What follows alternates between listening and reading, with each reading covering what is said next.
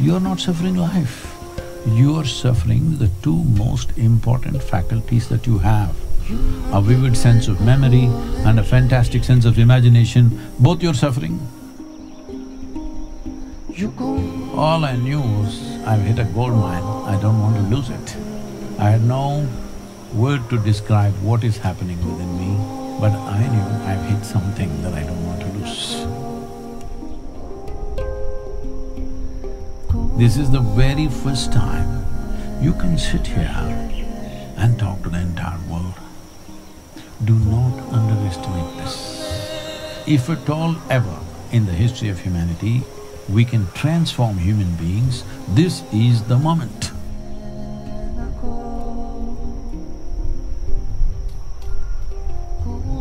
This is our time on the planet. What we make out of this damn world is ours, whatever we make out of it.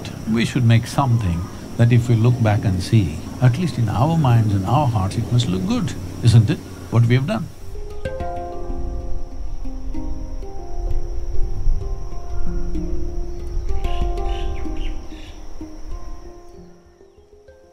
the influence of the group at this at this gathering is after I added it up around 80 million, Mm-hmm, the reach, and so I see that and and I really want to do some do some good with it, and so I would love to get your opinion on what we can do to infuse seeds of transformation into all of our content, into our media, and what can we do as people who have the privilege of having a voice in this day and age to use it for the betterment, upliftment of society.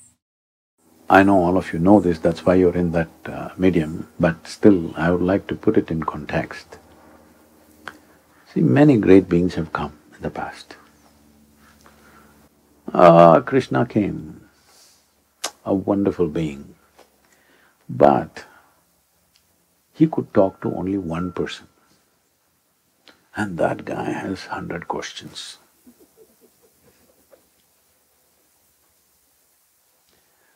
Shiva came, he is the Adiyogi, the source of yoga.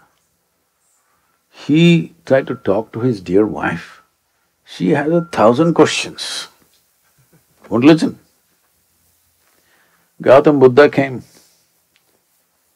Uh, he gathered a few people. Uh, but if he spoke, hardly fifty people can hear. I mean to say, he didn't have microphone. I'm saying this has been the history of humanity. This is the first time, this is the very first time you can sit here and talk to the entire world. Do not underestimate this. If at all, if at all ever, ever in the history of humanity, we can transform human beings, this is the moment. Because this is the first time we can even talk to them. Whoop, whoop. I'm earning disciples.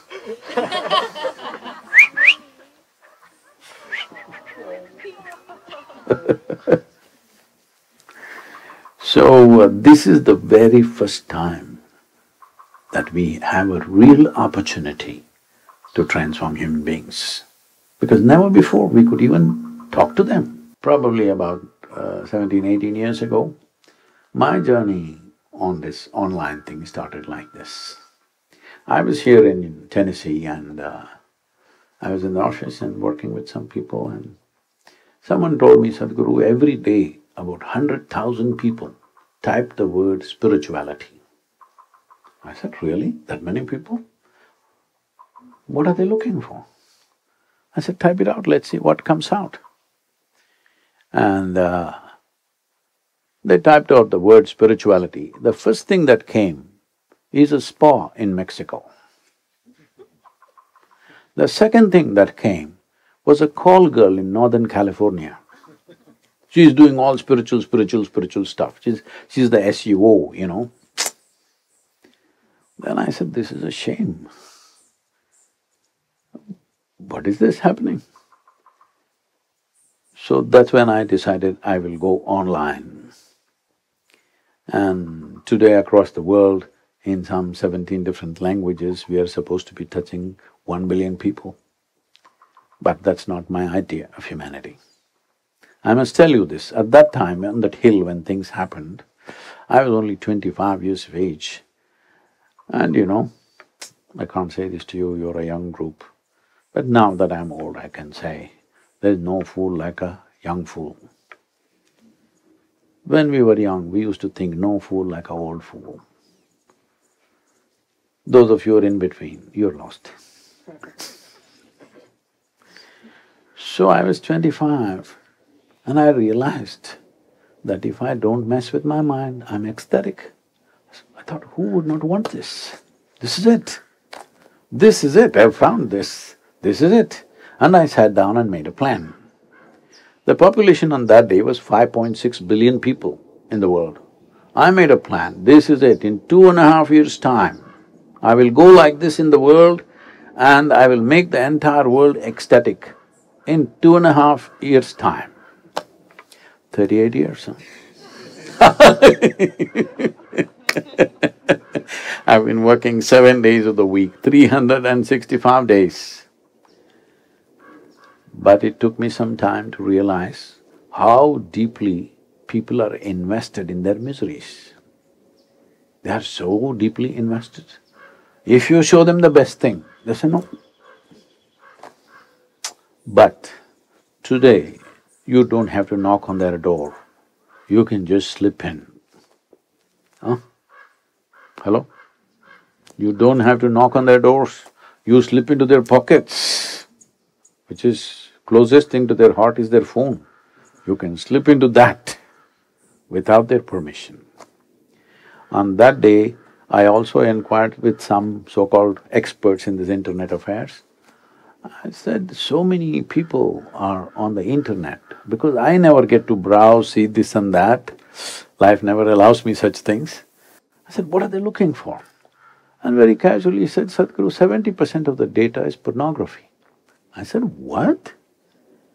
said, yeah. I didn't believe that. I checked out with a few other people.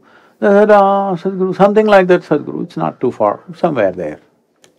And then they tell me, some 2.5 million children are being sold on the internet. I said, what is this? When we get a technology that we can reach every human being, what we do is sell our children? What's the matter with us? Hello? You can't sink anything below selling your children, isn't it? Hello? A human being cannot go any more, there's no further below bottom than this. So if we give you a great technology, you will sell your children on internet, maybe somebody else's children. I said that day, we got to go shamelessly on internet. People said, no, no, Sadhguru, it'll not look good, a guru going on the internet. I said, I don't care. We will go all out. Since then we've been out. Please, uh, in whichever way you think I can help or you can help, let's make this happen because in our generation, this is our time on the planet. What we make out of this damn world is ours, whatever we make out of it. Hello? We should make something that if we look back and see, it looks good for us at least. Even if other people don't approve, at least in our minds and our hearts it must look good, isn't it, what we have done? Hello? All of you who are empowered with technology, you must make this happen one way or the other, huh? That when we turn back and look, we are not ashamed of what we have done. This is one thing every human being should do. It doesn't matter what nonsensical judgments other people make about you. You should not be ashamed of what you have done, isn't it? By your own standards, I'm saying. You don't have to go by my standards or somebody else's standards, but you should not be ashamed of what you have done. That much every human being must do, especially if you're empowered in some way. You must do that. Let's make it happen.